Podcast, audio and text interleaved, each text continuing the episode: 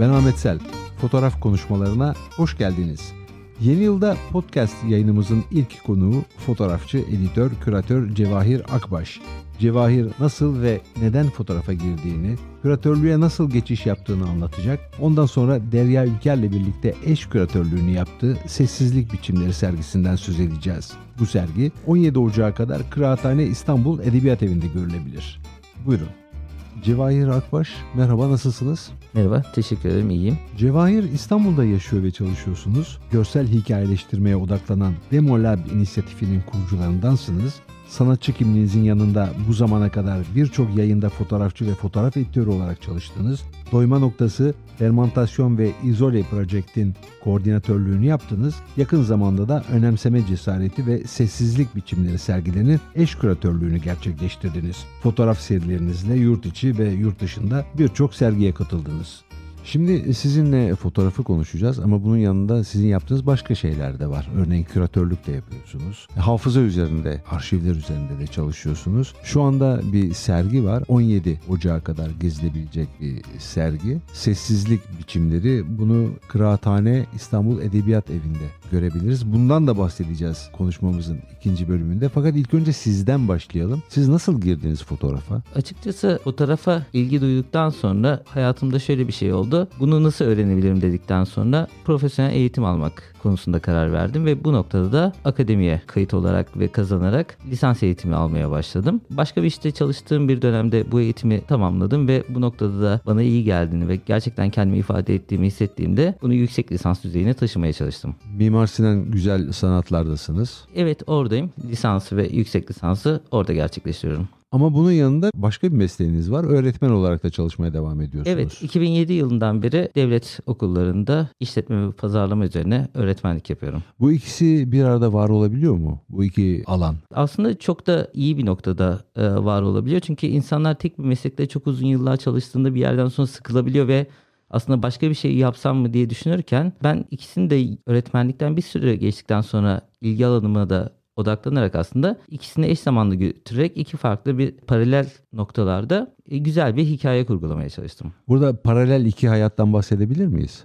Bahsedebiliriz. Çünkü ikisini birbirine karıştırmamaya çalışıyorum. İkisine de kendi içinde profesyonel olmaya çalışıyorum. Fotoğraf serüveninizde benim gördüğüm kadarıyla ilginç noktalar var. Bunlardan bir tanesi sizin yaptığınız bir seri Avcı. Babanızla ilişkinizi de yeniden tanımlayan bir iş aslında. Öte yandan babanızın belki de herkesin bilmediği bir yanını keşfediyorsunuz ve bu keşif sürecinde bir takım şeyler oluyor. Nereden aklınıza geldi babanızla ilgili bir hikaye yapmak? Açıkçası fotoğraf eğitimi alırken zaten çok fazla fazla proje çalışıyoruz. Çok farklı bağlamlarda belgesel olsun, sanat olsun. Belgesel fotoğrafta kişisel hikayeler yakın dönemde karşımıza çıkıyordu ve çok da merakla ilgilendiğim bir noktadaydı. Bu noktada babamın benden de gizlediği aslında bana da uzaktan anlatıp ama içine dahil etmediği bir hikayeydi avcı hikayesi. Ve bir noktada kendimi artık emin hissettiğimde ve bunu anlatabileceğimi hazır hissettiğimde onun hikayesine dahil oldum ve bir nevi aslında dediğiniz gibi bellek ve hafıza üzerine çalışıyorum. Kişisel hikayemdeki eksik olan bir noktanın hikayenin içine girerek ona dahil olup gerçekten anlamak ve onu aktararak biraz da bu gerçeklikle yüzleşmeye çalıştım. Babanızın avcı olduğunu bilmiyor muydunuz? Babamın avcı olduğunu biliyordum e, ve ama sadece onun anlattığı hikayeler üzerinden, onun anlattığı işte metaforlar üzerinden biliyordum. Bana o mekanı hep anlatıyordu ama hiçbir zaman dahil olmamıştım ve kafamda hep kurguladığım mekanlardı bunlar. O yüzden gidince biraz da kendi gözümden görüp ve aslında o mekanların içinde babamı izleyen kişi olarak dönüştüm. Nasıl bir insan keşfettiniz? Açıkçası işte benim de onun ava olan bağlılığı açıkçası çocukken baktığım bir noktada da şeydi. Yani bu kadar bağlı olması beni şaşırtıyordu. Ne var orada ne olabilir ki gibi ama aslında onun orada gerçekten e, bir var olduğu, o doğanın bir parçası olduğunu görmem. Orayla bütünleşip oradayken gerçekten çok huzurlu, keyfi yerinde, güzel bir histe hareket ettiğini görmek aslında bana da iyi geldi. Sizin babanızla olan ilişkilerinizi değiştirdi mi bu belgesel çalışması? Değiştirdi evet. Çünkü aslında artık kafamda bir soru işareti kalmamıştı ve babamın anlamadığım bir kısmı işte o gizemli hikayesinde dahil olarak öğrenerek aslında babam için aslında aramızda eksik bir parça kalmamıştı. Buna benzer başka keşifler de yaptınız mı fotoğrafçılık hayatınızda? Buna benzer Aslında yani kafamda böyle yer eden hikayeler var veya işte geçmişte ya ben böyle bir şey görmüştüm dediğim gibi. Biraz onların peşine gidiyorum. Yani o hikayelerin gerçek yüzü nasıl veya onun içine daha fazla vakit geçirsem nasıl olur gibi. İşte asker eğlencelerini bir noktada çalıştım ve gerçekten oradaki atmosferi sadece izleyen olarak o insanların coşkusunu, heyecanını, orada askere giden kişiyle son ilişkilerini nasıl kurguluyorlar izleme fırsatı buldum. Genellikle merak ettiğim konulara kameramda bir yerden sonra dahil oluyorum. Bu asker eğlencelerinde ne gördünüz? Askere giderken bir kişi sevinenler var, üzülenler var. Ben bunu anlamaya çalışıyorum. Sevilen neden seviniyor, üzülen neden üzülüyor?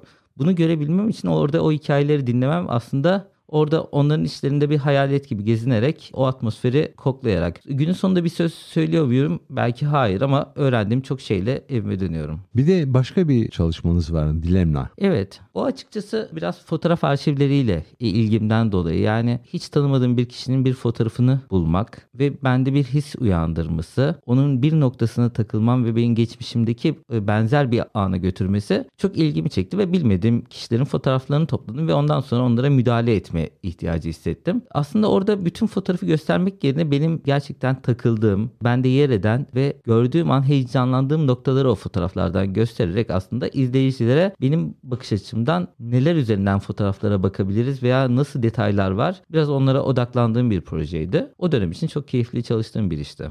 Hafıza ile ilintili olarak soruyorum. Fotoğrafları kendi zamanlarından soyutlamak mümkün mü değil mi? Eğer ki biz buna fotoğraf özelinde bakarsak tabii ki değil. Ama benim orada yaptığım mesele bir fotoğrafa bakarken fotoğrafın dışında, genelinin dışında, anlattığı sözün dışında içinde çok güzel doneler saklaması, gizli bilgiler olması aslında fotoğrafla zaman geçirdiğimizde göreceğimiz detayları benim aslında zaman geçirerek gördüğüm detayları insanlara aktardığım bir e, çağdaş sanat üzerine bir üretimde. Bir fotoğraf ortaya koyarken, fotoğraf çekerken diyelim bir hafıza oluşturuyorsunuz ama aynı zamanda fotoğrafını çektiğiniz insanın da hafızasında bir yer ediniyorsunuz. Başkasının hafızasında olmak sizin için ne anlama geliyor? Bu açıkçası herhalde her fotoğrafçı için heyecanlandıran da bir unsur. Yani doğrudan öyle çok uzun düşünmedim onun hafızasında. Ben sadece dediğim gibi ona karşı işte çok çıkarcı bir yapıyla mı girişen bir kişi miydi veya işte onunla gerçekten iletişim kuran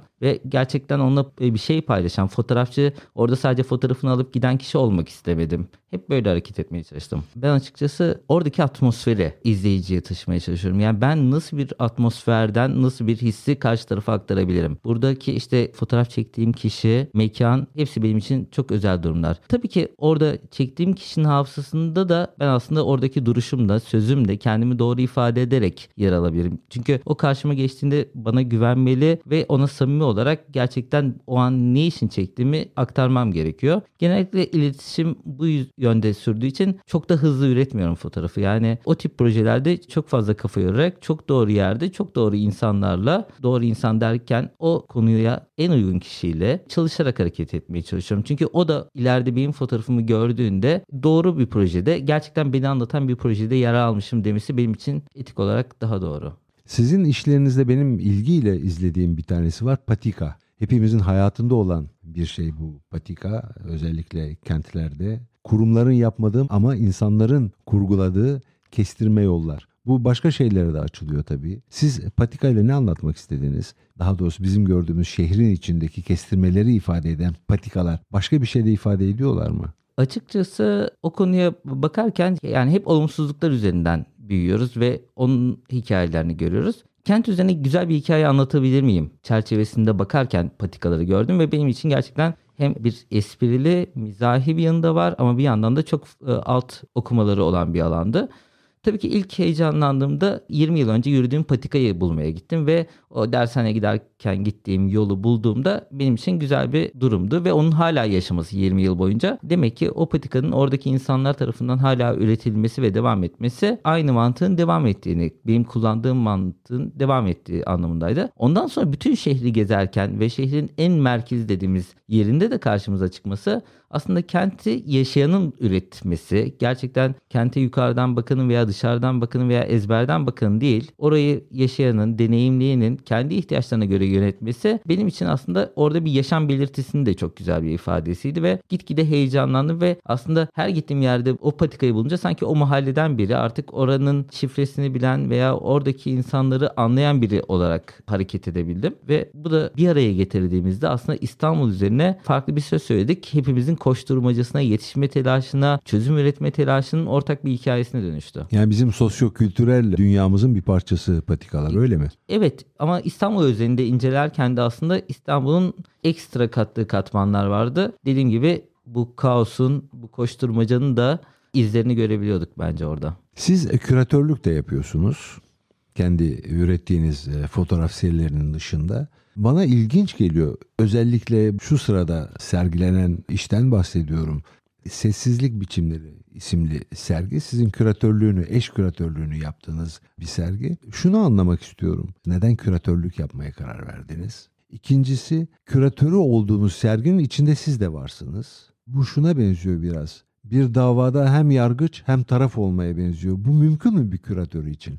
Ya da bir sanat galerisinde hem direktör hem sanatçı olmak gibi bir şey. Çok güzel bir soru. Şöyle başlayabilirim. Ben aslında yani bu noktada girişken, son dönemlerde girişken bir insanım ve aslında küratörlük de oradan başlamadı benim için. Daha önce sergileri koordine ettim. Çünkü bir demo lab üzerine Bekir Dindar'la birlikte e, kurduğumuz bir fotoğraf inisiyatifimiz var ve onun editörüyüz ve onun yanında başka yayınlarda da editörlük yapıyorum. Şimdi bu açıdan baktığımızda sergi noktasına geldiğimizde önce Doyma Noktası diye bir sergiyi koordine ettim. Daha sonra fotoğraf inisiyatiflerini bir araya getiren Fermentasyon isimli bir sergiyi koordine ettim. Ondan sonra da pandemi döneminde İzole Project'in hem e, fikir hem de tasarım hem de koordine kısmında kafa yordum. Aslında bu koordine etme süreci yavaş yavaş küratöryel bir bakışa, bir söz söylemeye dönüştü diyebilirim. Evet söylemek istediğim sözler vardı ama sadece kendi fotoğraflarımın üzerinden değil, benim fotoğrafa bakış açımdan belli işleri yan yana getirerek bir süreçti. Yakın dönemde iki serginin eş küratörlüğünü yaptım ve ikisi de üst üste gelince aslında bu kavram artık oluşmaya başladı. Sessizlik biçimleri özelinde gelirsek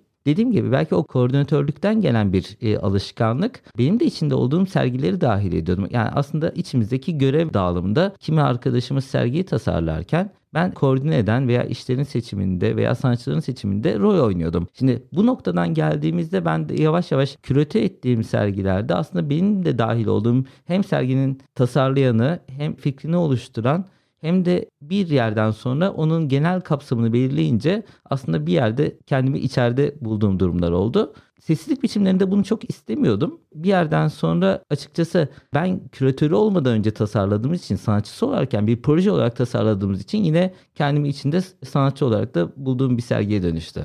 Şimdi sergiyle ilgili konuşacağız. Sessizlik e, biçimleri bir daha hatırlatalım. 17 Ocağı kadar Kıraathane İstanbul Edebiyat Evi'nde ziyarete açık. Siz bu serginin eş küratörüsünüz. Bir de Derya Ülker var. Serginin diğer küratörü. Beraber çalıştınız. Sergiye katılanları da söyleyelim. Bekir Dindar, Derya Ülker, Cevahir Akbaş siz, Edze Ali, Erdem Varol, Dilara Açıkgöz, Tolga Akbaş, Ekin Çekiç, Şener Yılmaz Aslan, Nevruz Seyidoğlu, Emirkan Cörüt, Nazım Serhat Fırat, Berkay Yahya, Eren Eryol, Ateş Alpar ve Berna Küpeli bu serginin sanatçıları. Sizin eş küratörü olduğunuz ve sanatçısı olduğunuz serginin sanatçıları. Nasıl bir araya getirdiniz bu sanatçıları? Şöyle diyebilirim. Yani hem fotoğraf eğitimden de beri veya işte birçok sergide yer alırken veya işte editörlük yaptığım süreçte kendimi hep birçok işi takip ederken ve not alırken buluyorum. Ve biz sessizlik biçimleri pandemiyle gelen ilk kez sessiz kalmıyoruz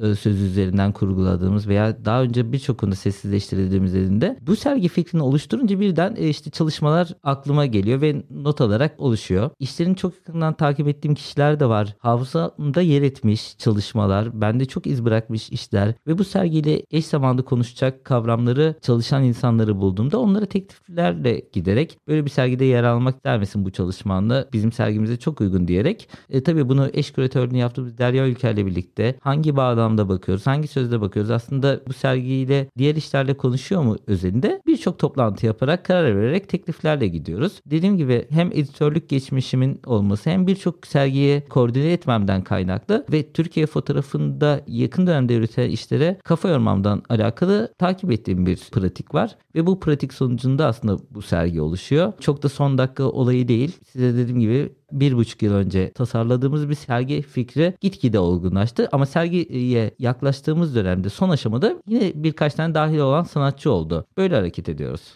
Sessizlik biçimleri sergisinde söylediğiniz söz ne? Biz aslında sessizlik biçimleri tabii bir ironik kavram. Sessizleştirme kavramına bakıyoruz. Yani Türkiye pandemide sessiz kaldı, e, insanlar görünür olamadı, iletişimleri koptu. Basın kartım olmasından kaynaklı İstanbul'u o süreçte deneyimleyebildim ve o sessizliğin verdiği bir huzursuzluk vardı. Ama bu noktada kendi içimizde bu deneyimimizi paylaştığımda Derya Yükel'de özellikle onunla beraber ortaya çıkardığımız fikirlerden biri de biz aslında ilk kez sessiz kalmıyoruz. Bir de görünmeyen böyle yani görünür olan bu sessizliğin dışında görünmeyen sessizleşme politikaları vardı. Yani çevre politikaları durumunda Hasan Keyf'in Kaz Dağları'nın veya işte Manavgat'taki insanların sesi bize gelmedi veya görünür olamadı. Onun dışında İstanbul'da kent hikayelerinde otoritenin baskısını hisseden insanların sesini duyamadık ya da çok geç görebildik, duyabildik. Bu noktada aslında biz bu sergiye özne ve mekan üzerinden baktığımızda mekanların üzerine yapılan müdahaleler sonraki oradaki insanların sesini duyamamız, bu sergiyi yapmamıza bizi tetikleyen şeylerden biri oldu. Bir de özne olarak insanların baskılar sonucu sonucu, ekonomik durumlar sonucu veya kendini güvensiz hissetmesi sonucu duyamadığımız seslerinin gerçekten görünür kılabilir miydik? Bunu işte bir fotoğraf ve video veya ses enstallasyonu farklı biçimlerde bu sessizlikleri bir araya getirip görünür bir hale tartışmaya açabilir miydik? Bu bizim için önemliydi ve bu noktada kent ve özne üzerinden iki farklı odada ve bir tane de geçmişe bakıp aslında bu sessizleştirme politikalarının başladığını bir video odası üzerinden kurgulayarak üç odalı bir sergi tasarlayabiliriz tasarlayabildik. Şimdi sorum küratör Cevahir Akbaş'a. Son dönemde Türkiye'deki çağdaş fotoğrafçıların hakikaten özgün bir dil oluşturduğunu gözlemliyor musunuz? Son 5 yıl açıkçası bence e, çok güzel bir miladı var. O kaygı kalktı gerçekten. Yani fotoğrafımı şöyle yapmalıyım, şu içerikte yapmalıktan çok herkes hikayesini anlatmaya odaklandı ve daha özgün hikayelerin e, ortaya çıktığını görüyoruz. Yani sizin konu kaldığınız sanatçılardan da var. Yakın zamanda gördüğümüz sergilerde, festivallerde ülkedeki genç sanatçıların artık sadece fotoğrafçı olması da değil. Yani e, fotoğraf üreterek kendi ifade etmeye çalışanların hikayelerine ve belli kurallar çerçevesinden çıkarak daha da böyle denemeye açık, araştırmaya açık veya işte araştırmasının içine fotoğrafta da dahil olarak e, fark etmiyor bu benim için. Daha özgünleştiğini ve artık bilmediğimiz çok hikayeyi veya farklı perspektiften bakan çok hikayeyle karşılaştığımızı söyleyebilirim. Bu beni heyecanlandırıyor. Benim de söylemek istediğim bu aslında aynı noktaya varıyoruz. Özellikle son yıllarda fotoğrafçıların kendilerine özgün bir dil oluşturduklarını ben düşünüyorum kendilerini ifade etmek için biraz aslında günümüzün iletişim dili de bu noktada güzel. Yani yapılan iyi örnekleri gördükçe onlar bize de cesaret veriyor. Yani de işte dediğim gibi babamla çalışmak benim için de işte o noktada hiç yapmayı düşünmediğim bir şeydi ama kişisel hikayeleri dinledikçe, gördükçe, araştırdıkça ben de aslında kendi kişisel hikayeme bakma ihtiyacı hissettim ve